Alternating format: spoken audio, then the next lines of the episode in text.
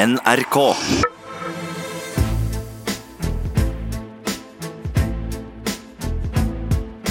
Trump mot verden med Gjermund Eriksen og Sean Henrik Matheson. Velkommen til en ny episode av Trump mot verden. Jeg heter Sean Henrik Matheson, sitter her sammen med Gjermund Eriksen, selvfølgelig. Hallo, Gjermund. Åssen går det? Det er ikke så verst. Det er fredag, og 2020 har starta i rakettfart. Det er 17. januar. Det er fredag formiddag. Dag 1092 av hans presidentskap. Taper han er det 368 dager igjen, med forbehold. Wow, det har ikke mangla på drama siden sist, og erfaringsmessig så er det så å si aldri mulig å se for seg hva som blir de store hendelsene i løpet av uka, og som blir verdt å, å snakke om. Og akkurat det skal vi snakke litt om i dag, Gjermund. Ja, tenkte at eh, det behovet for å vite og behovet for å forutse, det er utrolig sterkt i oss. Ja. Og det er veldig det er hovedbehovet til hvorfor vi driver med fortellinger. Vi ser på fortellinger eh, eh, fordi vi skal forstå noe vi ikke vet. Ja. Altså, Det er ikke noen som ser på en, blir engasjert av en fortelling hvor man hele tiden forutser alt. Nei. Og som fortellinger drives av behovet for å vite noe om et menneske, hva som skal skje med en karakter. Mm. Slik også, drives også behovet, når vi faktisk føler noe i politikken, behovet for å vite hvordan går det med et parti, Ja. hvordan går det med en politiker, hvordan går det med en sak, eller hvordan, som er det store spørsmålet, hvordan går det i et valg. Ja. Eh, og det å prøve å forutse det, er det jo mye av i politikken. Ja. Og det å få hekt, det å få emosjonelt hekt på parti, person, politikk, det er utfordringen. Og da tenkte jeg at det er greit å gå til en klassiker eh, og høre på noe som er eh, hvor det skjer. Og ikke minst så er det viktig, akkurat som i den filmen med alle, alle hestene og dyra til Kevin Costner, hva heter den i, i indianerfilmen? Eh, Den uh, Dancing with Wolves. Ja, der blir ingen dyr egentlig skadd, selv om det ser slik Ja, det er godt. Bare bra du sa det. Ja. Ja. Så når vi hører nå, så hører man en bil eh, som har kjørt på en hund.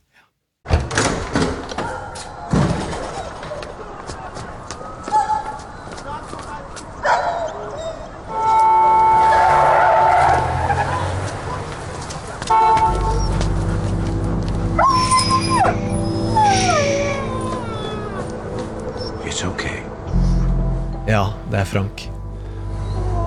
There are two kinds of pain. Sort of pain that makes you strong, or useless pain. Sort of pain that's only suffering.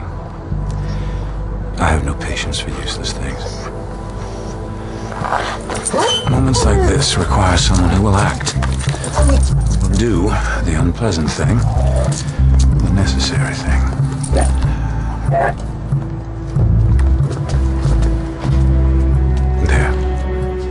No more pain. Oh my god. Ja, det var altså selveste Frank eh, Underwood her. eh, Som drepte en hund. Som drepte en hund. Som var skadd, som var dødelig skadd. så det House var- of Card, selvfølgelig. Frank Ja, Underwood House of Card. ja. Nødvendig handling. Eh, og det som skjer med seerne her, uh, dro i gang uh, en av de største suksessene det året, og dro i gang hele dette milliard enorme selskapet Netflix, som var helt ute å sykle eh, økonomisk. Satsa alt på denne serien. Og Lillehammer! Ja, og Lillehammer! er Så Norge riktig. var en del av suksessen. Ja. Men denne serien her var den som virkelig tok verden med storm. Ja. Og det satte i gang en myte om at Netflix kan regne på hva som er eh, de riktige fortellingene. At du kan forutse eh, hva som blir en suksess, og at ting skal skrives på den og på den måten. Akkurat. Ja, og En det er- oppskrift på ja, en suksess, Oppskrift, og at de har en algoritme. Altså at de vet så mange indikatorer via ulike fortellinger og skuespillere at de kan nærmest få ut et skjema som forfatteren kan sette seg ned. Og det er bare tull. det er ikke- det stemmer ikke. Veldig viktig for meg som forfatter å si det er bare tull. Og det, det den scenen her for eksempel gjør, det er å ta livet av en hund. Og det, er, eh, det går imot da de som da tror på oppskrifter i fortellinger, Ja, ja. har gitt ut verdens jævligste bok. Ja, ja. Ok. Uh, og den uh, het- Hva slags bok er det? Eller bare, Ja, det Jævligste bok, liksom? Ja, ja altså for forfattere. For Ja, at ok, det kommer da fra en kanal og en produsent som sier du, vi må ha en, lik, vi må ha en populær karakter. Og det er lagd en bok som heter slik lager du populære karakterer? Og den heter noe sånt som uh, Hvordan klappe en hund og tusen andre måter å gjøre karakteren din populær på. Høres jo sykt ut allerede der. Jo da. Ja, men det, folk er livredde for alle pengene sine, så de prøver å finne eh, oppskrifter på hvordan man kan garantere at man finner pengene. Ja. Eh, og den, det vi hørte nå, det var jo en hovedkarakter Ja. som dreper en hund. Ja, så det er en kommentar til den boka. Ja. Og grunnen til at det fungerer allikevel, er jo at det fins måter å hekte emosjonelt på et menneske eller en eh, problemstilling som ikke handler om at du er likandes. Nei. Sånn som Frank Underwood jo Han ikke er. Han er jo ikke noe du har lyst til å samarbeide med. Nei, nei, nei. Du blir emosjonelt opptatt av hvordan han har det allikevel. Ja. Uansett, Ja. Netflix eh, har andre måter å bruke modeller på eh, som de faktisk bruker, men da bruker de det som beslutningsunderlag. Så når da denne eh, produsenten kommer og sier hei, vi har med oss Bo Williman, han har laget en stor film og skrevet sånt manus tidligere som var veldig populært, og han har med David Fincher og med Kevin Spacey, Ja. eh, og de vi ønsker å bruke 700 millioner kroner på sesong én, som da var et vilt stort tall, da kan de si ok, vi regner på hvor eh, populær er egentlig Kevin Spacey, og hvor populær er egentlig David Fincher blant våre seere? Ja. Og så sier han ja, det ligger utrolig høyt, og han Boe Williman, ja, den filmen han hadde der, Ja. kombinasjonen av disse tre talentene, Ja. det har nådd ganske langt før. Ja. Med andre ord så kan dere si til styret sitt, du folkens, slapp av, denne kombinasjonen av talenter, Ja. Det har uh, funka. Det er en vinneroppskrift. det er en vinneroppskrift, Ja. så da satser vi på det. Okay. Og det er mye mer enn det de andre har, som ikke har tallgrunnlag eh, på samme måte som Netflix, som har veldig presise eh, målinger og nedbrytningssystemer, som de andre som bare er TV-kanaler. eh, De var jo en strømmetjeneste ikke har hatt. det. Og derfor eh, driver de med prediksjon. Og vi skal snakke litt om dette her i dag. Ja. Det er innbakt eh, i de tre tingene vi skal bruke tid på i dag, eh, Gjermund. Vi skal snakke om demokratenes debatt og The Model, som vi kommer tilbake til. Ja. jeg lover. Og The Model det blir mye morsommere enn det det hørtes ut som. det var så kjedelig. Ja. Og så må vi eh, snakke om noe av det samme, eh, men det er, som også er eh, mener er veldig fascinerende, og har et stort eh, usikkerhetsmoment ved seg. Altså kjempespenning. Pengene til Bloomberg. Ja, fy. Hva betyr det at han slenger seg inn i valgkampen? på Det er den eh, siste demokratiske presidentkandidaten som kasta seg inn. Han Ja. er jo milliardær. ja. Og så har vi fått beskjed av Donald at vi må tone ned denne riksrettssaken, at det bare er en hoax, så det snakker vi ikke om i dag. Mm, nei, okay. Det er bare tull! Vi tar det som punkt tre, bare.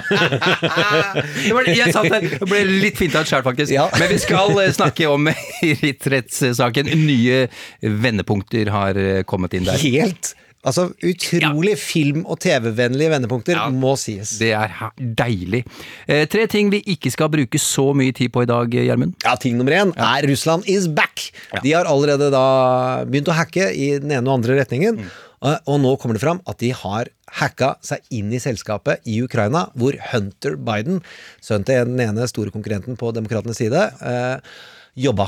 Og det har de gjort for å få til Hillary og Podesta-trikset, nemlig noe dritt de kan gi til et eller annet sted. Altså det kan komme ut noe å bruke. Ja, altså De prøver å finne dritt da på nytt, ikke sant? Og det er Kan informasjon de har kan- gjort. Ja, og, og kan, På Biden. Ja, på Hunter, Ja, altså, på- Hunter ja, på- Biden, ja, ja. Det holder jo at de har funnet styremøter som uh, Styrenotater som, Ja. hvor han sier et eller annet dumt, eller sier et eller annet som er Ja. eh, kan misforstås, eller at bare det er dritt inni det selskapet. Uansett, det her kommer vi til å se. Om Russland fant noe, Ja. så er vi vel ganske redd for at det lekkes. Og det kom, lekkes eh, til fordel for Donald Trump, selvfølgelig. Ja, for de vil bare ha negativ lyd om meg. Nettopp. Ja. Nettopp. Gjermund, du har jo vært i Oppdatert-podkasten siden sist og snakka om Kina. Ja, og det China Det- expert. Ja, det tror jeg er viktig å få fram. At det har vært underskrevet noe denne uka som er veldig relevant, og hvor de faktisk lagde en sang. Og det var eh, Det kan vi jo høre her.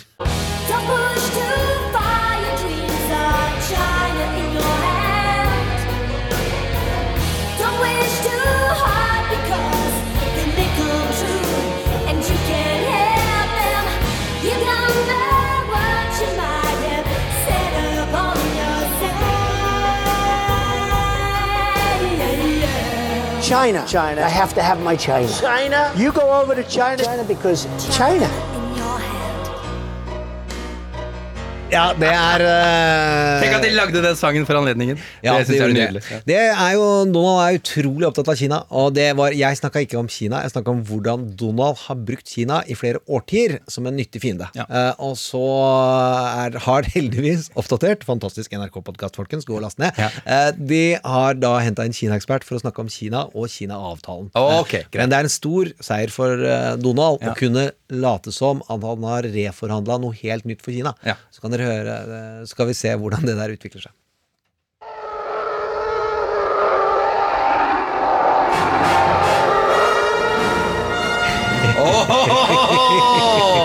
ja, punkt nummer tre, Sean. Hva er det? Det er Space Force!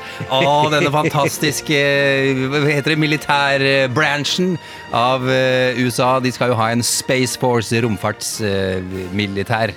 Ja, og der lo jeg godt når eh, Donald kasta ut forslaget. Jeg husker ikke når han nevnte Space Force første gang. Jo, det er ganske lenge siden, men vi snakka om det da vi lagde radioprogrammer, Gjermund. Og vi lo litt av det, men samtidig så, så mener jeg vi nevnte at fader, det er like greit å komme i gang med det greiene der. For det, Ja, men det kommer til å skje til slutt. Ja, ja, men det kommer til å skje til slutt allikevel. Ja, og det er tydelig at det mener Donald og Pence også, fordi Pence var vel den som klippa snora denne uka her. Ja. Eh, og nå er det da en Space Force som finnes der ute. Ja, det fins der. eh, Den første sjefen for eh, Space Force har blitt utnevnt. eh, Air Force General John J. Raymond har nå blitt sjefen til Space Force. Nei, det er helt fantastisk. Ja, Og så tror jeg at alle har fått de uniformene som er bygd etter Lego-modellen. De med sånne blå tanker og sånne hjelmer. Det er helt nydelig. Jeg må bare nevne her, Det kommer en Netflix-serie som heter Space Force om ikke så altfor lenge. Steve eh, Carell, altså han fra The Office, eh, har skrevet den. Og ikke minst Greg Daniels, som også har skrevet The Office. Park and, eh, Parks and De Recreation. er så Ja, det er både morsomme og dyktige mennesker. Og Steve Carell må man ikke bare tenke på som komiker. Han kan gjøre det Gervais gjør òg. Utrolig emosjonell komedie. Det kan bli kjempesterkt. Ja, Hvis det er komedie. Ja, det, er komedie. ja, det kommer til å bli litt sånn Office-aktig, så vidt jeg har skjønt. da Ja, Og masse fete skuespillere. Jeg husker ikke alle som er med, men ok.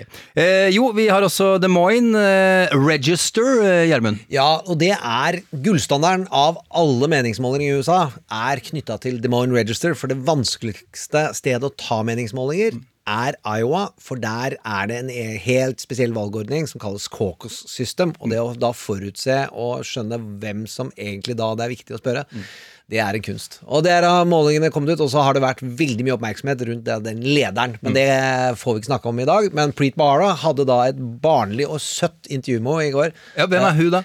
Eh, jeg husker ikke navnet. Nei, Det er hun som er liksom Ja, selveste Hun er Mrs. Pole. Mrs. Paul. Det er, eh, Demone eh, Register er jo en avis, da, bare for Ja, og hun ja. jobber for selskapet som har lagd den målingen. Og dras alltid fram i primærvalgkamper og presidentvalgkamper og for å snakke opp grunnen til å drive med meningsmåling. Men hvem leder den meningsmålingen fra The Moyen Register? Ja, det var det som var litt overspennende, at Bernie hadde gått forbi Warren. Der ser du altså. Oh, wow. All right, eh, la oss eh, titte inn på vår eh, spin-off-serie. Eh, Demokratenes kamp om å vinne tilbake presidentrom. Yes, it is game on for 2020. All eyes are now on who will run for president in 2020. It Sounds like a game show, but it's not. One of these candidates could be the next president. Mens eh, ting er som vanlig i Donald Trump sin verden, ganske vilt, eh, så begynner det så smått å dra seg til blant demokratene som ønsker å bli president. Eh, Siden sist har enda en kandidat trukket seg, Cory Booker. En mann vi har hatt på blokka lenge, Gjermund. Han kasta inn håndkle for noen dager siden. Av andre navn som det har, har vært knytta en viss spenning til, og som også har trukket seg, kan jeg nevne Kamala Harris. En kvinne vi hadde visse håp om. om. var eh, oppe i ja, 18 hun var før det, sommeren, men så, så- vi tok ikke helt feil, Nei. men så tok vi veldig feil. hun mista det, rett og slett, dessverre. Eh, Julian eh, Castro han snakka vi vel så vidt om eh, sist uke, tror jeg, eller for et par uker siden. Eh, Han eh, trakk seg. Beto O'Rourke, eh, det begynner å bli noen eh, måneder siden. Eh, Joe Biden han er i føringa. Eh, Bernie Sanders ligger som nummer to. Elizabeth Warren eh, på tredjeplass. Og på fjerdeplass ligger Pete Buttigieg. Eh, Kampen kommer høyst sannsynlig til å stå Og det mellom er disse fire. den overordna eh, Ja. hvem som kommer til å vinne primærvalget. Eh, klar, det er Ja. viktig, viktig at du sier det. Og så må det sies da at Buttigieg ligger ganske langt bak de tre første, og bak han igjen så ligger også Amy Klobuchar, må ikke glemme henne heller. Men det er innbyggerne i staten Iowa som skal gå først til stemmeurnene. Det gjøres om drøye to uker, 3. februar. Eh, Og dette er en veldig viktig delstat. Eh, Dette setter tonen på et vis for, for videre delstatsvalg, og i Iowa er det jevnt. Fram til nå har demokratene vært eh, relativt siviliserte mot hverandre, både under debattene og ellers, men det er vel kanskje i ferd med å endre seg noe nå. Det har blitt litt skarpere i, i klørne. Gjermund, hvor lå spenningen før denne siste debatten, vil du si? Ja, det er ut fra altså Før jul så var det i ferd med å skje noe i dynamikkene i, eh, mellom alle disse kandidatene som du nevner. Eh, og så eh, hadde det vært en god debatt som hadde mye underholdende punkter i seg, og hvor alle fikk stått i et godt lys. Men det har utkrystallisert seg. Det vi har snakka om tidligere, er at det fins filer, tenk på det som motorvei, og så fins det etasjer. Altså være på den øverste uh, tier one, da er du i den øverste etasjen, og så er det filer å velge mellom, som er er du i den progressive fila, eller er du i den moderate fila. Og når du da var i underetasjene, så har alle de du snakka om, de har vært i tredje etasjen eller andre etasjen, og nå nytter ikke det lenger. Og det er noen som er, lukter litt på at de kommer og å havne i andre etasjen, og der er det tungt. Det er f.eks. Buttigieg og Klobuchar, det er det litt farlig for. Mens i den, eh, den fila som heter De progressive, der begynner det å bli trangt. Okay. Ja, Elizabeth Warren eh, og Bernie De må begynne å eh, få folk til å begynne å tenke på Skal vi gå for Elizabeth, eller skal vi gå for Bernie? Ja, for Den som har, eh, går om å si kanskje på en måte at, som har hatt kniven mest på strupen, ja, men er vel Warren, er det ikke det? Hun har tapt seg på målingene, både i Iowa og, og nasjonalt. Ja, og det Hun tapte seg etter at eh, Bernie fikk et hjerteattakk, men også at hun ble ledende da, på en del målinger. Så da får du den berømmelige blinken på ryggen, så alle begynner å hakke på deg. Eh, og da må hun lage et nytt, eh, et nytt momentum. Altså må få tilbake spotlighten og få debatten til å foregå på sine premisser. Og der hadde hun begynt å planlegge ting i jula.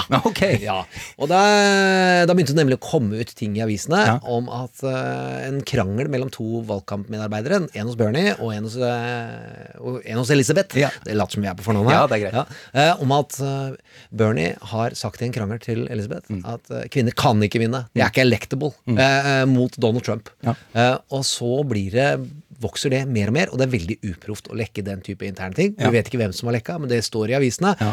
Og så vokser det og vokser, og til slutt så blir det et så stort problem for Bernie at han må si det har han ikke sagt. Nei. Mm. Men så kommer Elizabeth og sier Bernie har sagt det til meg. Og med andre ord, rett, og dette skjer rett før den store debatten, Mm. eh, og eh, det farger hva skal all debatt handle om? Skal det handle om kvinner? Ja. Det er det Elisabeth ønsker. Altså, det skal handle om kvinner. Ja. Du, Men vi har jo tidligere, bare for å nevne det også, eh, for egentlig ganske lenge siden, snakka om vennskapet eh, mellom Bernie Sanders og Elizabeth Warren. Ja. Finne, er det et vennskap der, eh, Gjermund? Nei, Det er moro, fordi det, de virker jo så enige om alt det som eh, gjelder av progressiv politikk. Ja, ja. Så det er smilende. Nei, jeg er helt enig med Bernie, og Bernie er helt enig med Elizabeth. Og så sier jo David Axelrod, som har jobba i mange år for Obama de hater hverandre. Altså, de hater hverandre! Ikke ha, jeg hater, men veldig sterkt. For okay, Bernie ja. er utrolig sta, og Elisabeth prøvde å finne løsninger på hvordan uh, skape en ny type tilnærming til finansmarkedene og slikt. Ja. Uansett, Ja.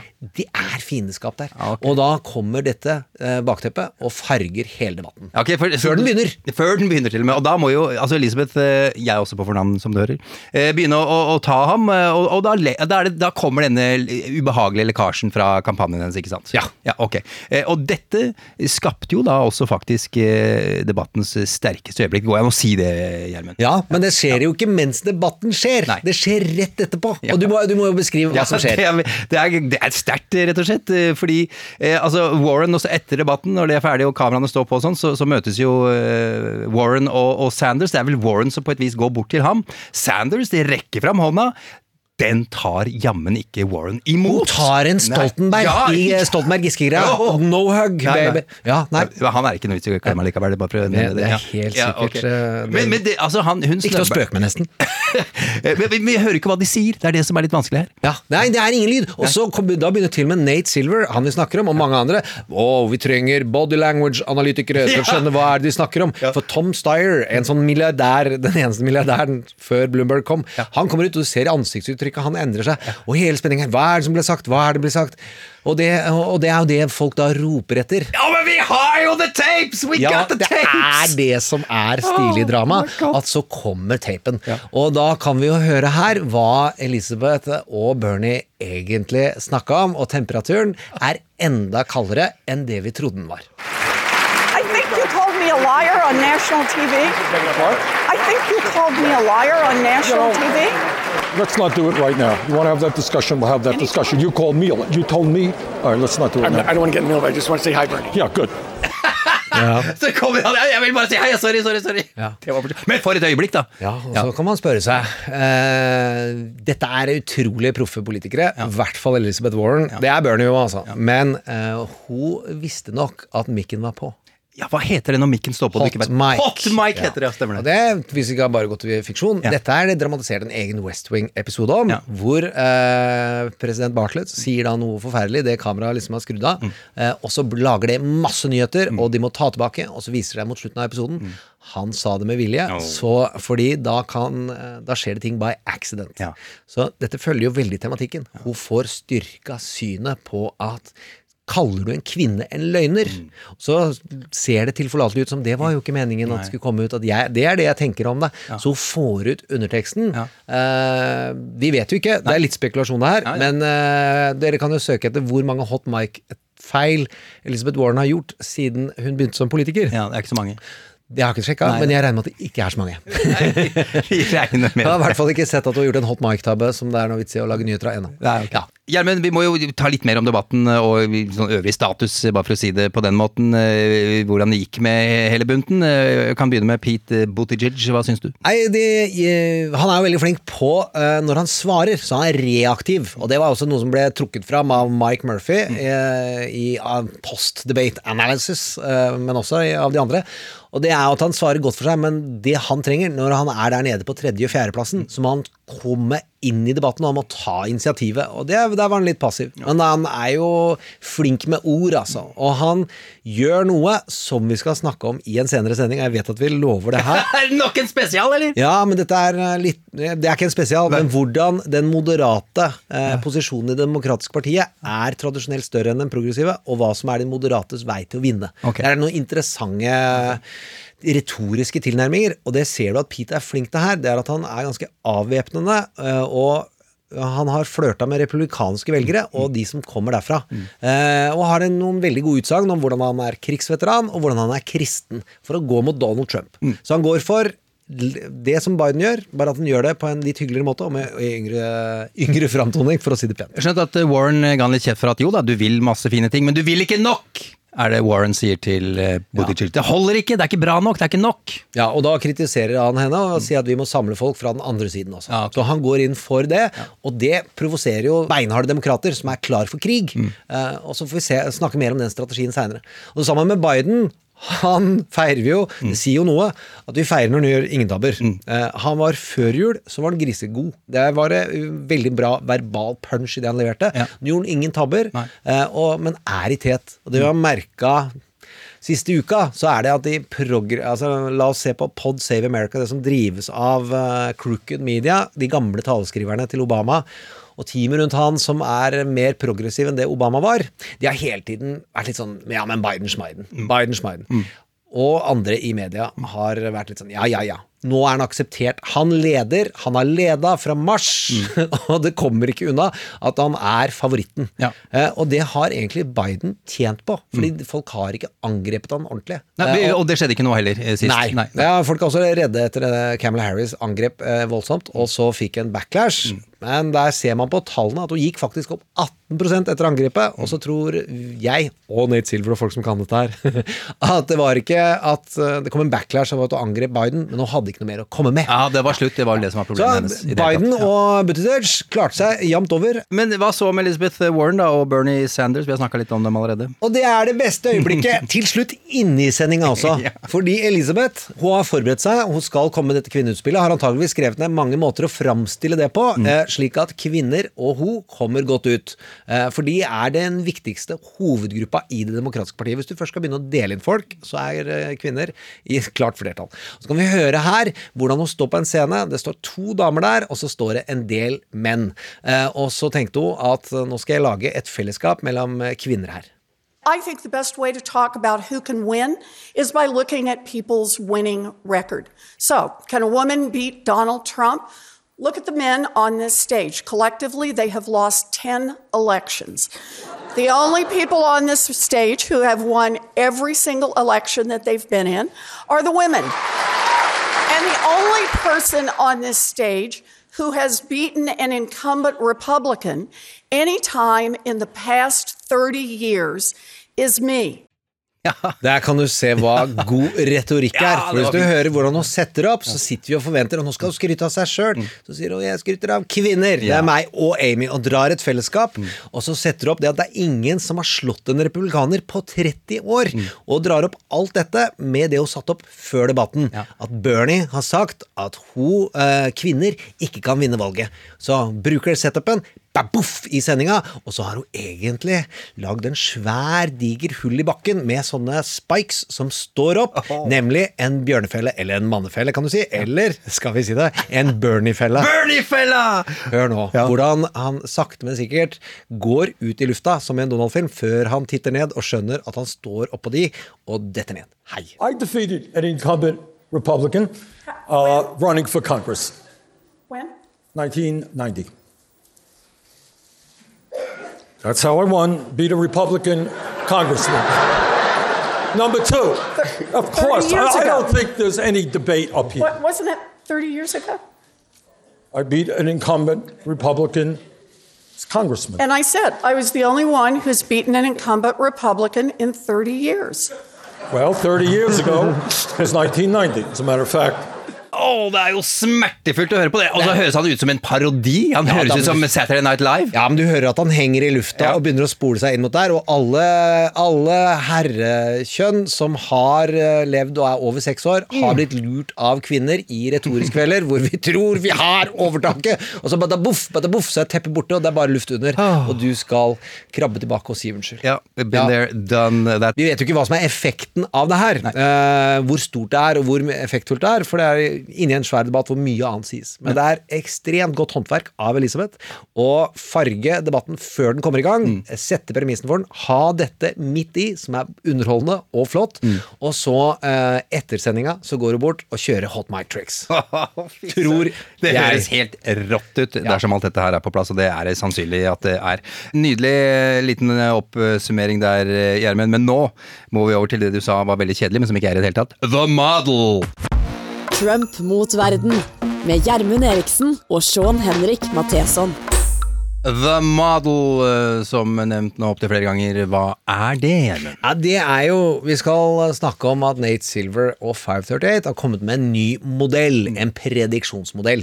Og det er, syns jeg, alltid har vært fascinerende. Jeg har jo ikke alltid jobba med å lage podkast eller TV-serier. Jeg har jobba som planner i reklamebyråer, og da jobber man med i ulike typer prediksjonsmodeller der òg, for de store, virkelig rike eh, kundene. Ja, Hva betyr det? Hvordan få folk til å kjøpe sjokolade, da? basically? Nei, hvordan forstå hvordan ulike faktorer påvirker at du skal kjøpe sjokolade. Okay. Eh, la oss si hvis du er en eh, burgerkjede, skal ikke si hva den kan hete, men en eh, burgerkjede legger da inn hva er lønnsnivået i Norge? Når er lønningsdatoen i Norge? Hvor, hva slags mennesker er det som går i vår burgerkjede? Hvordan påvirker salget på de ulike dagene av eh, de lønnsnivået og den generelle samfunnsøkonomien? Eh, hva som er bensinpriser, altså alle de konkurrerende indikatorene som styrer når, hvor ofte går du og spiser på en burgerkjede. Og av mest fun fact, finner ut f.eks. når du legger ut alle temperaturene, svinger jo selvsagt gjennom året. Hva spiser man når? Ja, ja, ja. Men om sommeren så finner man ut at flere og flere går ut av burgerrestauranten, jo varmere og finere vær det er. Man selger mindre og mindre, men så går du opp til en eller annen viss temperatur. Når det er grisevarmt ute. Da går folk inn igjen. Og så- ja, ja, ja. Da spiser du. Men, det, men det, vi kontrollerer jo ikke nei, nei. varmen. Men det vi kontrollerer i eh, reklame- og kommunikasjonsbyråer, det er jo hva slags burgere, hvor bred er menyen, eh, hva slags sammensetninger skal den ha, og hva er prisnivå, og så det dyreste av alt. Hvor mye reklame skal vi bruke? Jeg liker hvordan- at du manipulerer meg på denne måten, eh, Gjermund. det er det veldig mange som Dette er det veldig mange som driver med. Og heldigvis er det ikke så mange som har råd til disse svære modellene. Eh. Men de fant jeg da utrolig interessante. For en som kommer fra HF og er egentlig er norsklærer. Så kommer de modellene, og det er da jeg begynte å skjønne at dette driver man med i USA. Og Ja. det historisk sett så kommer det fra trafikkplanlegging og samfunnsøkonomi, men så begynner da pengemakta å bruke det skikkelig til å forstå hvordan man skal lure forbrukere. Og så kommer Nate Silver og driver med sportsprediksjoner. Ja, og da legger han inn andre former data, og så går man fra det å fokusere på å sette sammen lag ut ifra personer Mm. til prestasjoner. Eh, og da får man eh, en film som f.eks. Moneyball eh, kommer Mm. Brad fram. Pitt, Ja. Mm. som Brad Pitt, og en utrolig god film som tar for seg akkurat den vendinga. Og Nate Silver vokser seg til ved å være en som driver med betting markets. Altså forteller hvilke lag kommer til å vinne, og prøver å finne da så mange faktorer som styrer hvem som vinner serien. Mm. Ja. Så flytter han det over på politikk! Ja, fy søren gjør det. Og hvordan fungerer det, Gjermund? Du tar da masse datapunkter, altså over tid. Eh, Det viktigste han driver med, er jo meningsmålinger. Hvordan er det de påvirker hverandre, og hvordan påvirker ulike målinger og ulike delstater hverandre, og hvor sanne har de vist seg å være over tid. Så man vekter det. Og så gir man en, en del andre dataserier knytta til demografi, som vi snakka om i stad. Hvor mye penger har folk, hvordan ser befolkningsgruppene ut, hvordan bestemmer de seg? Og så regner den på hvor viktig er de ulike elementene, og finner ut hva som er sammenfall, altså det bare skjer samtidig, og hva som er sammenheng. Altså hva er korrelasjon, som er sammenfall, men det er ikke nødvendigvis at ting som skjer på likt, påvirker hverandre. Og da må man finne ut hva som har kausale, eh, kausale sammenhenger. Kausalitet. Ja, nice. Ja, og det er Nate Silver best på i verden. Ja, er og da har han for første gang lagd en ordentlig modell om hvordan primærvalgkampen kommer til å utvikle seg. Som han ikke, Dette har han ikke gjort før. Han har lagd noe som kan ligne på en modell, men det han har gjort nå, er- mener han er ordentlig, og han syns det har vært kjempevanskelig, og det vanskeligste han har gjort. Og den ble publisert denne uka! Ja, vi har tallene her. Skal vi ta tallene i full Ja. fart, Gjermund? Altså, per nå så er det Biden eh, som leder på 38% Han vil vinne to av fem ganger. Ja. Eh, Bernie han er på 25% Han vil vinne én av fire ganger. Warren på 14% Hun vil vinne én av sju ganger. Buttigieg på 8% Han vinner én av tolv ganger. Og det er én av tolv, det er der liksom hemmeligheten ligger, er ikke det, Gjermund? Den der Det er det siste tallet jeg sier. Vi snakker nå om vinnersannsynligheten, gitt det vi vet i dag. Og gitt alle dataene han har putta inn i dag, så er sannsynligheten for at en av disse vinner inn i det demokratiske konventet Mm. Han sier ingenting om hvordan det konventet kan gå, for der kan det jo skje mye rart. Men fram til da, det er det han beregner sannsynligheten for. Mm. Eh, og da har han jo lagt inn f.eks. Iowa, som vi skal i nå. Hva vil det si at én kommer til å vinne der? Hvordan påvirker det det neste valget? Da har han funnet ut det han tror er viktigheten av the Iowa bump. Det vil si at den som vinner, kommer til å gå på andre målinger Altid. i andre delstater. Ja. Og prøvd å tenke ut og regne ut da dynamikken mellom de. Det er vilt fascinerende, syns jeg. Og det er også et godt bilde på hvordan uh, disse gjør det i forhold til hverandre. Eh, Derfor kommer vi til å vise til det innimellom. Uh, jeg er narkomant avhengig av å gå inn og sjekke grafene på 538 uh, for å se ut ifra hvordan det snakkes i media. Hvordan det egentlig ligger an på de målingene man vet. For det er, innimellom så er det et stort gap der. Eh, de- Denne modell, altså dette er jo ny, altså Han hadde jo ikke denne modellen på plass sist, eh, under sist presidentvalg, ja. og da var det vel et eller annet som at eh, ja, Hillary vinner eh, 70% sikkert at hun vinner. Og da var jo folk veldig letta. 70 det er mye. Men så Han var ute og ropte den Ja, siste uka. Altså. ja. Dette, dette betyr Ja. ikke at hun vinner. Nei, nei, nei. Og så var folk tenende, Du sa 70 sånn. Ja. 70% er da er det tre av ti ganger så går det galt. Ja, du ikke vedder ikke mye penger på tre av ti. Og så var det jo andre som drev med den samme type modeller, som hadde 94% og New York Times hadde helt gjøkete nærme 100. Ja. Uh, og, da, tror fikk, og da drev også Nate Silver med Ja. prosent. Så da gjorde han om til for at folk skal forstå hva som egentlig er uh, sjansen din. Du flyr ikke et fly Nei. hvis det detter ned tre av ti. Nei, det gjør det ikke! Uh, det er 70 sjanse for at det lander ordentlig. Og det er det de eh, Derfor han b- bruker to ulike tall, men det er det samme tall. Det er en brøk. Ja, ja. Det er en brøk. Uh, all right, uh, vi skal videre. Wow! Var ikke modell gøy, folkens! Men jeg mener Det var ikke kjedelig i det hele Ja, tatt. jeg håper det der som. Og de store, stygge kapitalistene som har disse modellene, det er griseskummelt, altså, for de har ikke de andre konkurrentene. Nei. Og nå skal vi snakke om en fyr, Ja. en stor kapitalist, Ja, som har noe penger, for Ja, å si det sånn. Han har så mye penger, han. Eh, Vi skal til milliardæren Michael Bloomberg. Trump mot verden med Gjermund Eriksen og Sean Henrik Matheson. The King of New York, milliardær og med et selvbilde som forteller ham at han er bedre enn de aller fleste. Eh, Nei, vi snakker ikke om Donald Trump, men om Michael Bloomberg. Businessmann og politiker, har ingeniørutdanning innen elektronikk. Og også en businessutdanning fra selveste Harvard. eh, Slo seg opp i finansbransjen på 70-tallet som megler, men utviklet også et datasystem for banken han eh, jobbet i den gang, Solomon Brothers, for den som eh, er interessert i det. Etter hvert så ble banken kjøpt opp, han mista jobben, men han hadde bygget seg opp en, en stor formue, og den formuen brukte han på å utvikle et datasystem for Wall Street, eller finansbransjen, enkelt fortalt, et system som gjorde at all viktig informasjon, aksjepriser osv. kunne fås i sanntid, altså på øyeblikket. Det er den stripen som man ser ruller over skjermen på, med aksjepriser, og oljepriser og valuta, alt det der. Eh, Et system som, eh, som alle i bransjen eh, måtte ha, og fortsatt må ha. Han ble Over hele verden. Over hele verden. Han blir bare rikere og, og rikere. Siden har han også slått seg opp så i mediebransjen. Eier annet en TV-kanal, eh, kanskje du har den til og med, Bloomberg. Etter hvert gikk han over i politikken, vært borgermester i New York i tre perioder, fra 2002 til 2013, og det er ikke dårlig, med tanke på at du bare har lov til å være det i to perioder.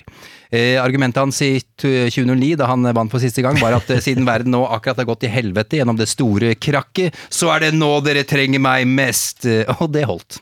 Han ble valgt en gang til. Ja, hvis dere har lyst til å være redd, eh, da bodde Donald i New York og titta på hva Bloomberg gjorde. Ja, han gjorde det, ja. Ja, så klart. Ja, selvfølgelig gjorde han det. eh, Så Donald har sittet i New York og sett at noen Ja, hvis du gjør det et eller annet ekstraordinært, så kan du rope på en tredje periode, og så se om ting skjer. Selvfølgelig. Uansett. Okay. Det er eh, skummelt. Hvorfor eh, bør vi snakke om Bloomberg, Gjermund? Først og fremst fordi det er snakk om uhorvelig mye penger som har kommet inn på en helt annet og ny måte. Eh, og det er jo endelig nå som den Han er jo da presidentkandidat, vi har jo ikke nevnt det, men det, er jo, det ligger jo i bånn her, selvfølgelig, Ja. at han meldte seg på i siste liten. Ja, Og så har den andre milliardæren, Tom Steyer, nå har man endelig sett at de pengene han har brukt i en, noen delstater, de har virkelig virket. Altså I South Carolina så har han kommet opp som en eh, troverdig kandidat som kan vinne den delstaten. Han er leder ikke, og han er samme i Nevada. Med andre ord, penger funker. Hørt veldig lite til eh, Tom Steyer, men Ja, eh, han er har, ja. De har bare hørt gjennom, en, gjennom reklame, Ja, og det er bare å se på fyren. Han er ganske dørgende kjedelig, Mm. og han har ingen nye politiske budskap. Så her kan man se hva, tung, hva du får for veldig mye penger. Gammel hedgefondforvalter ja. Tom Steyer, ja. Og bare for å forstå hvor mye penger det er i denne valgkampen, Mm. så har Bernie har veldig mye penger og eh, veldig god donorbase. Warren eh, har også mye penger og en god donorbase. Mm. og Buttigieg har virkelig fått det til å svinge. Klobuchar den som har fått til minst, mens Biden har en god del penger, men han har få donorer. Med andre ord så har han ikke bred folkelig støtte ennå, og det er grunnen til at mange har tenkt at ja, ja, vi får se hvor lenge dette bærer. Men nå har alle de mye penger etter tradisjonell standard. Legger du sammen alle de vanlige demokratene, mm. og legger sammen alle pengene de har brukt så langt, da er du oppe på det Tom Steyer har brukt. Til sammen, ja. Til sammen. Så han har brukt like mye som alle de til sammen. Og hvis du har enda Hvis du tar alle pengene som Steyer og de alle andre kandidatene har brukt så langt, da kommer du til summen Bloomberg har brukt Det så langt. Det er jo Ja. helt sinnssykt. Og innen mars så skal Bloomberg ha brukt et sted mellom 160 og 200 millioner dollar. Mm. Innen mars. Da er man ikke eh, er man så vidt i gang med denne ordentlig tunge primærvalgkampen. Og det betyr at han har brukt mer enn Barack Obama gjorde på hele sin presidentvalgkamp uh, i forrige runde. Det er så mye penger der. Det og så mye penger har vi ikke sett bli kasta inn i amerikansk eh, valgkamp. Han skal knuse alle Michael Boomer det er han planlegger. Det er ikke helt sikkert at det er planen, men han har i hvert fall tenkt å gjøre noe ingen har fått til før, nemlig hoppe over de innledende delstatene ja. og gi beng i hvem som vinner her. Eh, og så komme Super Tuesday, og da har han kjøpt reklameplass i alle de store statene der sånn, Mm. og få i gang et momentum rundt sin person. Det er det mange som har prøvd. Det har alltid krasja, men det er ingen som har prøvd med så mye penger. Og dette er jo en forretningsmann, du sa det jo selv, han har bygd sitt imperium på å selge datasystemer. Han har personer som har jobba i Barack Obama, som også hadde mye datamodeller om hvordan han skulle gjøre reklameinvesteringer i både 2008 og 2012. De ledende på å bruke den type modelltenkning som vi snakka om i stad. Så ville han gått inn hvis han ikke uh, hadde en modell som sa at uh, her kan jeg bruke uoversiktlig mye penger, så er min vinnersjanse faktisk til stede. Ja, for han har sett at det virka med Tom Stair i de statene du Ja, nevnte sted. nå ser vi at det, her kan vi, dette er umulig å forutse, og det sier Nate Silver også. Dette kan jeg ikke regne på, eh, fordi vi har aldri sett den type effekt.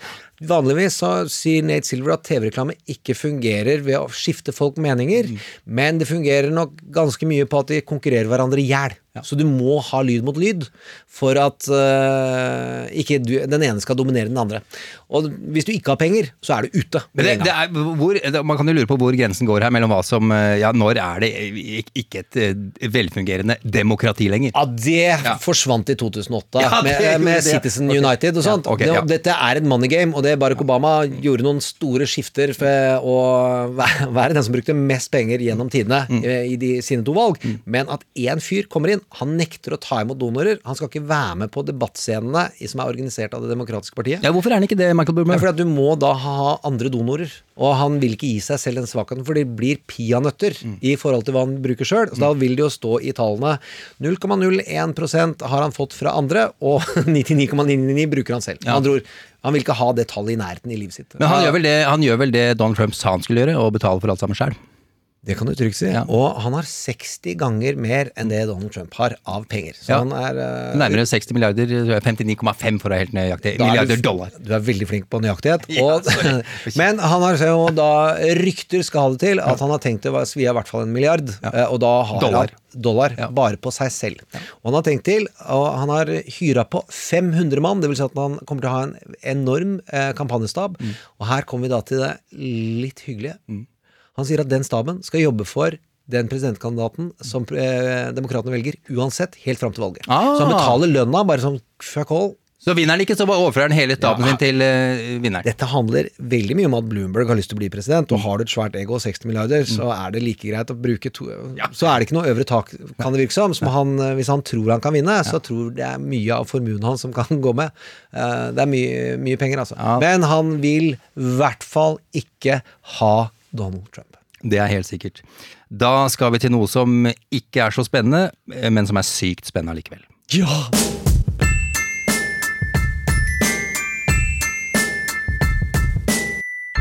Trump mot verden. Da er det alvor. Eh, Nå blir det riksrettssak mot eh, president eh, Donald Trump. Lederen for Representantenes hus, Nancy Pelosi, har sendt inn sine tiltalepunkter til Senatet. Det er to punkter. Et for maktmisbruk og et for å ha motarbeidet Kongressen. Med andre ord, hun har gitt klarsignal til at saken kan begynne. Vi har gått gjennom lukkede og åpne høringer i sikkerhetskomiteen i Representantenes hus. Så har justiskomiteen vurdert det som har kommet fram, og de vurderte det slik at jo da, her må vi tiltale Donald Trump. Pelosi har drøyd med å sette den siste delen av eh, prosessen i gang. Hun har forlangt å få reglene for hvordan det skal foregå av lederen av Senatet, Mitch McConnell.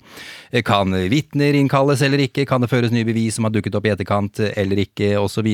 Hun har ikke fått noe svar på dette her, men har altså valgt å starte prosessen allikevel. Det må vi snakke litt om, eh, Gjermund. Eh, Et av de store spenningsmomentene er om tidligere sikkerhetsrådgiver for Trump, mann med barten, John Bolton, vil vitne. Han har sagt ja dersom han blir eh, innkalt. Han kan muligens sitte på dynamitt. Eh, Han sa i hvert fall om alt som hadde skjedd i Ukraina-saken at eh, dette her er en narkodeal jeg ikke vil ha noe med å gjøre. Eh, Men de siste dagene har en annen karakter fått hovedrollen, en mann vi har nevnt mange ganger, men da som en liten bikarakter i vårt bitte, bitte, drama. bitte liten. Lev Parnas, en av Rudy Giulianis nærmeste menn og fotsoldater, og som har vært dypt involvert i å forsøke å finne negativ informasjon om Joe Biden og hans eh, sønn eh, Hunter. Ble arrestert på en flyplass i fjor høst eh, sammen med en annen av Rudys eh, menn, eh, og siktet for å ha eh, på ulovlig vis eh, finansiert valgkampen til en kongressmann som de ønsket skulle hjelpe dem å fjerne Jovanovic eh, fra posisjonen som den amerikanske ambassadøren i Ukraina. Eh, Hun var nemlig vanskelig å ha med å gjøre, hun ville være imot korrupsjon. Men- nemlig. and we can't have that, No, can we? have that. Eh, Ok, hvorfor fikk han hovedrollen denne uka her, Gjermund? For det første så var det veldig eh, få som visste hvor dominerende figur han skulle bli denne uka. Ja. Men det han har gjort, er å eh, Han er etterforska av SDNY. Southern District of New York. Tøffeste statsadvokatembetet i USA. Jeps. Og de har lagd eh, kjempepress på han. eh, og de har gått gjennom alle, og har konfiskert alle hans dokumenter, og han har snudd. Det vil si, han sier 'jeg skal fortelle alt jeg vet'. Ja. Så har han gitt dem alle dokumenter han har. Og så har de kommet tilbake til han, og nå har han gitt de til Representantenes hus. Mm. Og da snakker vi uh, De har ikke gått gjennom alt, så alt har ikke kommet ut ennå. Men alle e-poster, alle møteinnkallelser, alle SMS-er, alle grunndokumenter. Og dette er fyren som da har ligget i halen på Rudi Giuliani i uh, over et år. Eh, Hva slags beviser er det som har kommet fram, eller informasjon?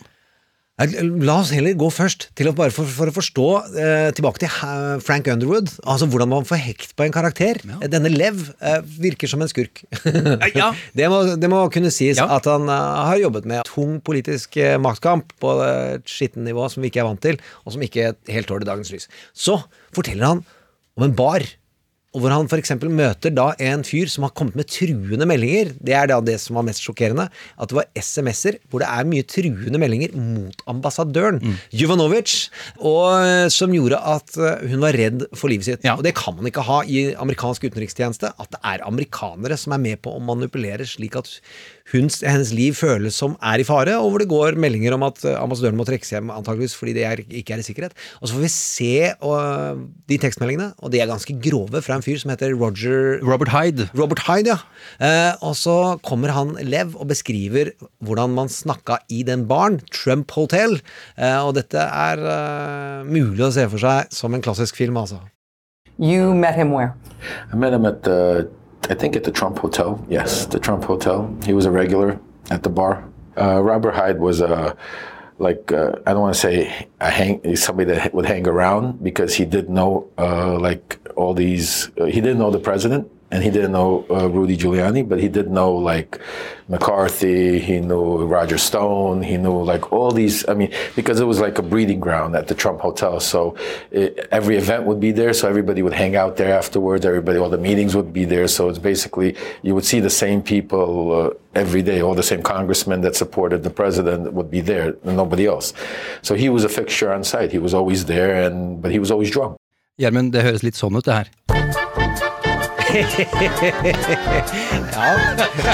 Dette er til, hvis det finnes mennesker som hører på oss og ikke vet at dette er baren i Star Wars, uh, hvor Han Solo sitter, som er en Gangsterhule. Gangsterbule, uh, så er det en veldig viktig metafor, ja. Og det han beskriver da til Rachel Maddow, det som skjer denne uka, at han går jo og sitter i et uh, time Altså, hun strekker det over to sendinger, men langt åpent intervju med Rachel Maddow, selv om han er under tiltale, med advokaten ved, sin side, og kommer med disse beskrivelsene av f.eks. denne eh, Robert Hyde-karakteren, som er konstant full, og alltid kjefter og smeller, og hvor han beskriver alle andre. Eh, og så er det med de truende meldingene der, det er nok det som er verst for Lev at ble sendt ut. Men han eh, prøver å si at 'jeg har snudd, jeg har sett lyset'. Eh, og så er det noe Er det alvorlig for Donald Trump, dette her, eller er det bare en litt mer støy? Nei, jeg syns at det er alvorlig, fordi nå endrer vi point of view. Når vi fikk mange vitner i Representantenes hus, hvor det er folk som har sett Rudy på avstand. De sier at han ringte, og han gjorde noe sånt, og jeg var i andre enden av telefonen. Nå får vi et vitnemål. Var han som var ved siden av Rudy hele tiden. Her pleier vi tradisjonelt å spille Rudy-låta, en eller annen Rudy-låt, men vi tenkte denne gangen vi skulle skape et savn. Ja, et så nå savn. er det okay. ikke en Rudy-låt. Okay, Ja. Men da får vi da eh, fra den synsvinkelen hvordan de opplevde det, hvor lenge de har planlagt å finne dritt på Biden, Mm. eh, og hvor mye alle er involvert. Mm. Og de som har nekta fram til nå, får du en gang til. Pence, Mm. eh, visepresidenten, som nekter for et møte og sier det var bare by accident at jeg ikke ville møte den ukrainske presidenten, noe som var veldig viktig for den ukrainske presidenten, som var i krig, og se at USA er på deres eh, side og er alliert med dem. Når det ikke var der, så er det et kjempeslag. Og da de pengene ble holdt tilbake Pence visste alt. Og så tar han for seg én og én. Pompeo du, du, Alle er involvert. Og så kommer det som eh, er enda mørkere. Det er justisminister Barr som har latt som at nei, jeg bare gjør noen juridiske vurderinger langt eh, vekk fra dette her. Han var alltid informert Mm. og visste det i forkant før utspillene kom. Mm. Det er det som jeg tror er det store ved det. Så går det Det store at Barr, altså William Ja. Barr, justisminister, vet, vet, alt hele tiden. Ja. Og så vet vi ikke om dette er viktig i en rettssak, men det er i hvert fall verktøy for demokratene. At de kan fortsette å hamre løs på den sittende regjeringen og dens øverste ledere. Ok. Hva skjer eh, fremover nå, Gjermund, Ja, i denne saken? I går, eh, I går var det jo åpning, ja, høring, og da var det pomp og prakt. Og sånn Seremoni, seremoni, ja, ja, ja. eh, Hvor eh, øverste leder av Høyesterett ble sverget inn. Alle andre ble sverget inn. De sverget på at de skulle være upartiske, og der har jo folk allerede lovet at de vil være partiske. Så det er en vanskelig ed å legge, men dem om det. Og så ble det kalt inn sju managere. Ja, ja men skal vi si om det? er Adam Schiff, altså aktorene, altså Ja, det er de- Impeachment managers, aktorer. Ja, aktorer, kan man si. Og det er Schiff, lederen for uh, Demokratenes sju. Et Ja. lite magisk tall her. Jeg vet ikke hvorfor det havna på sju, men sju it is. Eventyrtall. Uh, ja, det, ja, det er nettopp det. Men det er også lett å huske. Eh, og de har satt sammen av tidligere statsadvokater, så de har rettssalserfaring, sikkerhetsfolk og uh, militærfolk, som også da kan det sikkerhetspolitiske. Hva er konsekvensene av Donald Trumps handlinger? Så Nancy fikk eh, gode skussmål for dem hun hadde valgt ut. Ja, En som mangler her, eller noen som hevder? Ja, Justin Amash hadde blant annet Preet Bahara, som vi name-dropper litt ofte, men han var tidligere sjef i SDNY, en kul jurist som et uvær, og har eh, Altså denne New York-aktoren. Ja, ja. politiske ambisjoner, luktes det. Men han tidligere, nå har jeg endelig lært det, uh, jobba for Chuck Schumer, lederen i Senatet. Så han er uh, kjent i kroken der. Han syns at Nancy kunne valgt en uavhengig. Altså ikke bare ha demokratiske statsadvokater, men ha Justin Amash, som gikk fra det republikanske partiet. Mm. Eneste som egentlig har stått veldig imot Ja. eh, Donald Trump og alt Men- som har foregått. Da har ikke Nancy helt kontroll på hva han kommer til å si. Nei, så det ble ikke valgt. Uh, og så ble det jo eh, levert og signert. eh, Artig fun fact der på den signeringa, faktisk. Uh, Pelosi brukte 30 forskjellige penner til å signere tiltalen. 30 penner! Ja, 30 jeg har bare sett sju i West Wing-episode. Ja, nei, 30 penner. Og dette er jo penner som da gis bort til viktige folk etter hvert, og sånn, så alle har en penn som jo, denne ble brukt, og sånn, og så Ble videre. en brukt og signert. Det er en ting jeg virkelig lurer på om skjer i andre land enn USA. Nei, jeg Altså. vet ikke. Men dette er en gammel tradisjon, men republikanere har blitt dypt krenka fordi eh, dette er for alvorlig til å drive med sånn pennelek nå. Donald Ja. driver med mange penner hele tiden. Jeg veit det, jeg vet det. Og så er det bare artig, en ytterligere artig fun fact. eh, Lyndon B. Johnson brukte visstnok 75 penner da han underskrev eh, Civil Rights Act i 1963 eller 4 eller når det var. Ja, men det er ille viktig act, da. Ja, det er ille. Den er ille viktig. Det er eh, den største politiske omveltningen, kan man eh, påstå, ved siden av Fox News.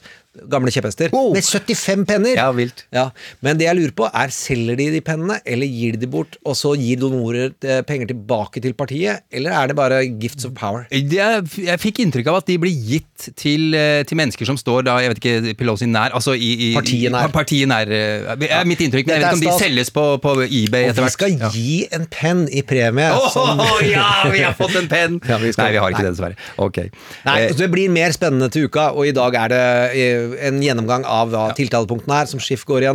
Og så tar det virkelig av til uka, og så går det veldig fort. Det er jo det McConnell vil. Komme seg fort igjennom. Så vil det krangles veldig Mm. om vitner. Kommer Bolten, som ikke fikk så mye oppmerksomhet denne uka, for det blei Lev Parnes ble som tok showet. og Lev, veit du hvor han vil? Nei. Vitne i Senatet. Åh, jeg gleder meg til neste uke allerede. Det er Ja, sykt å si. Kunne vi allerede hatt Åge Aleksandersen her? Hva skulle han sagt? Lev av livet. Nå går vi nærradiohumor, folkens, men husk på jeg er fra landet. Ha det. Vi skal til ukas karakter. 538 senior political writer Claire Malone. Claire Malone. Claire Malone. 538, famous for predicting the future by crunching numbers really well. Ukas eh, karakter kommer fra en av våre favorittpublikasjoner, 538. Gud bedre, og vi snakker om eh, 538, men det er fordi det er et helt fantastisk nettsted. Alle bør inn der som er interessert. Alle er som hører på oss, bør inn der. Ja, det er avhengighetsskapende. Ja.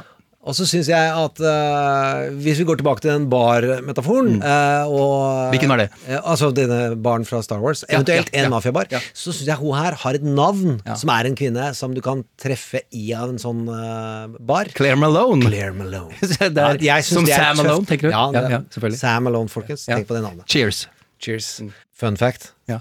Sam sitt største problem er at han er alone. Sam Alone. Oh my god, det har du fortalt meg før, sånne navn at det er ikke er ikke tilfeldig. Men Claire Malone funker Oh. ikke sånn. Men Claire Malone er da ikke den mystiske dama som henger i baren, men en av de dyktigste politiske analytikerne jeg vet om i amerikansk politikk. Eh, og der noen i 538 er veldig datadrevne og stiller seg blind på det, så er hun veldig god til å løfte blikket og tenke kvalitativt. Er, Hvordan, hva betyr det? Altså, Nei, Det betyr at hun legger inn menneskelige vurderinger som eh, går på dyp kjennskap til statsvitenskap, sosiologi og sosialantropologi, og hvordan de ulike mekanismene påvirker ulike delstater. det er ikke en magefølelse, altså? Nei, virkelig ikke. nei, nei, Og hun har mange mil med footwork i forskjellige delstatsvalg. Uh, vært såkalt utegående reporter. Eh, og hun snakker i podkasten deres, uh, og er eh, gir Nate juling her og der i argumentene. Ja, ok. For det er det også det fine. Det er, de her snakker jo menneskelig om hvor usikkert det er. Selv om de har et tall som sier så mye prosent, så er det noen ganger de ikke skjønner tallet og sier at ja, ja, vi trodde det var sånn, men det tallet sier det, ja, men der kan modellene være litt ute å kjøre. Ja, Og der kan vi, dette kan skje rett bak. Ja, og der er hun veldig god. Og i siste, siste sending denne uka så ga hun virkelig Satte den ordentlig på plass når det gjelder. Ja, som, eh, Som eier, eller ja, som driver driver og han, er, han, er, han er eh, øverste sjef, men han eier ikke lenger. Han har solgt det til ABC. Stemmer det. Men eh, denne uka så diskuterte de electability, og da slag Valgbarhet. Valgbarhet, Og så sier eh, Nate Silver at ja, men det er jo en vitenskapelig størrelse som er ganske objektiv og kan nærmest tas matematisk. Er du valgbar? Mm. Sier det er et mye større begrep enn det. Det er et menneskelig, sosialt konstruert begrep som har effekt i seg selv. Og så kjører hun over. Mm. Eh, Det hørtes litt blinderen ut, det jeg snakka om nå, men i hvert fall, det, dama har eh, evner, altså. Ok, gøy. Claire Malone der også. Og hun var i Norge, hun var i Bergen på mediedagene for sant? to år siden. Traff du henne? kan gå, eh, jeg traff henne ikke, men jeg er veldig god til å følge mediedagene på internett. De Ja. ligger ute, disse intervjuene. Ok, greit. Ja, vi er basically mål der. Jeg er ikke helt, forresten. Vi har jo en herlig mailadresse, trumpmotverden.no. Send oss mail. Spørsmål, det er hyggelig. Vi svarer, eh, vi- svarer på alle. Du er flink til å svare personlig, eh, Gjermund, men også eh, her på, i podkasten, selvfølgelig. Jeg har et fra Lasse her. eh, Hei, Lasse. Eh, Nettavisen skriver at økonomien i USA boomer, og at middelklassen er de som vinner på det, og at Trump kan ta mye av æren for dette. Eh, Jeg skulle gjerne hørt noen ord fra dere om dette her. Altså, Dette er ikke helt i tråd med det jeg tidligere har trodd, at det er kun de rikeste som har tjent, eh, tjent på denne altså, siste tids økonomiske vekst. Gjermund, hva mener du om det? Jeg mener at Nettavisen må google ordet nyanser, og kanskje ikke ta eh, talking pointsene til eh, de republikanerne så bokstavelig. Det er klart, Økonomien er Donald Trumps sterkeste kort, og den går veldig bra. Det er bl.a. blant annet fordi det har steget jevnt og trutt fra den forrige finanskrisen, men også at Donald Trump hadde en skattelette som lager utrolig mye penger innover i økonomien. Eh, og så er, det ikke, så er det ikke noe tvil om at den skatteletten den har gått mest til de rike. Så har det skjedd en reallønnsvekst mm. til en viss forstand, men den viktigste er jo at arbeidsledigheten er på et historisk lavt nivå, Mm. og at optimismen i økonomien er sterkere enn før. Eh, Men skyldes ikke lav arbeidsledighet at det er god økonomi? jo, det gjør det. Ja, ja. Og så er, men så er det jo uh, veldig få som sier at president, presidenter får alltid skylda hvis økonomien er godt, og så har de ikke så veldig mye æren for at den går bra. De har heller ikke alltid skylda for at den går dårlig. Mm. men Donald Trump har skapt fart og varme i økonomien, men han har lånt pengene av framtiden eh, fra alle, eh, og så har han gitt mest til de rike, og så bruker de pengene, og så er det noe som har dryppet på klokkeren. Dette kan komme til å bite du var- hardt i ræva Ja. om noen sesonger. Vi kan, gå mer, Ja, altså, vi kan gå mer detaljert Ja. til hvordan det står til med økonomien, eh, enn den eh, litt hardlabbsvaret som var der. Ja, ja. Men eh, i det store så har Donald Trump bidratt til at optimismen er der. Eh, det er umulig å benekte, ja. Ja, ok. Eh, vi har eh, også Ja, det er full fart på Facebook-siden vår. Det er veldig, veldig stas. Eh, Trump mot verden heter den. Og vi har jo hatt en konkurranse gående siden sist episode, Gjermund. Det var veldig morsomt! Ja, det var gøy! Vi ba om den mest fredfulle og ikke-voldelige måten Iran kan ta hevn på USA. Vet tullete og fint. Mange svar, og så har vi fått printet ut alle navnene og lagt det i en lue. Få høre på lyden, det er så Ja, deilig. Sånn, sånn, sånn, sånn. Det er i en lue. Lapper. Vi, er ikke, det er, vi gjør det ikke vanskeligere. Kan jeg få lov til å trekke? Hvilket navn? Ja, Vi må høre. Sånn. Da trekker jeg ut en lapp her. Her står det Marit Henriksdatter. på den der. Vi brukte hårfjerningskrem i pappa sin sjampo når håret begynte å bli litt langt på den ene siden. Det er også ganske effektivt. Det er praktisk. Hårfjerningskrem, andre ord. Ja. Det er flere som har vært bortpå det der med hårfjernings... Nei, å fjerne håret. Nei, det var kanskje Klaus Wiese, det. forresten. Ja, og så er det også at eh, det er mange som foreslår å lage statuer med små hender. Det er Åh, også det er Korte slips er veldig morsomt. Det er veldig mange morsomme. Så den største fordelen med konkurransen er at man kan lese de andre svarene, for Ja. det er veldig mange artige tilfeller der.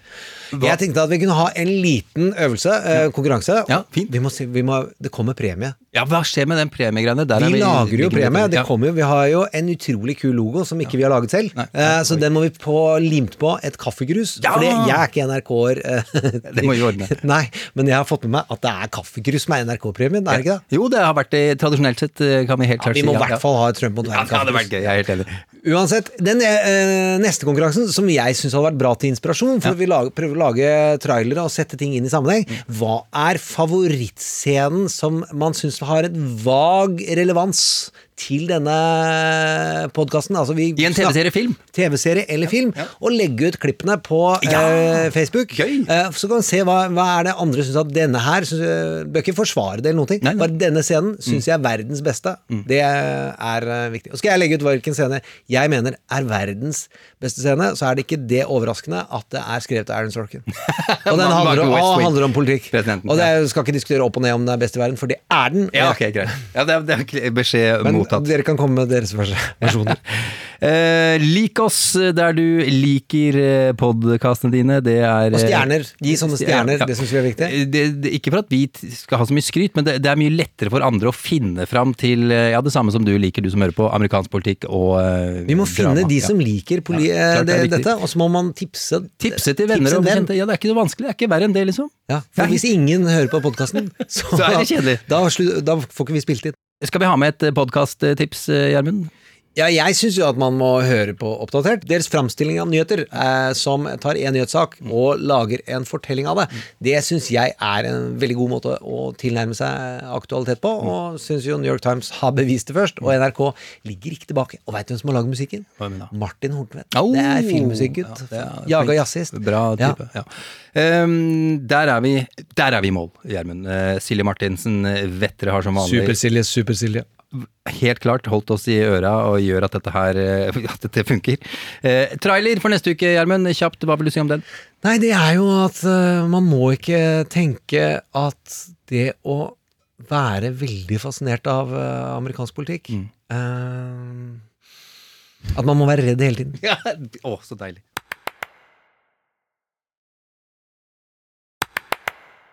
Å ja da. Det går an å tenke på denne tiden av året som særdeles hyggelig, og at Winter is coming. egentlig betyr mer innehygge, god mat, fulle glass med deilig vin, TV-serietitting. Vi ser jo mye mer TV-serier om vinteren, men også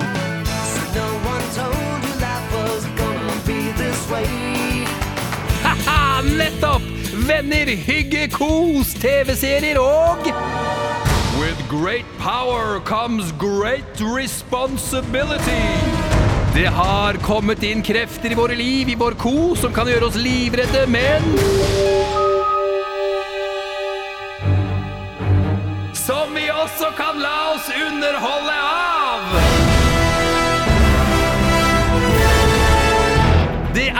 krefter som vil rive Europa i filler. Russland vinner på flere fronter, og mange lever i frykt for at noen En tilfeldig hentesveis übermeister med stormannsgalskap, mindreverdighetskomplekser, dynket i ekstrem narsissisme.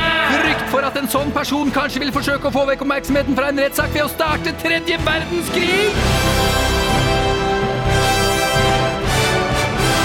Det er ikke sikkert at det skjer, og det går an å se på det som ikke bare fryktelig, men tidenes mest underholdende drama også!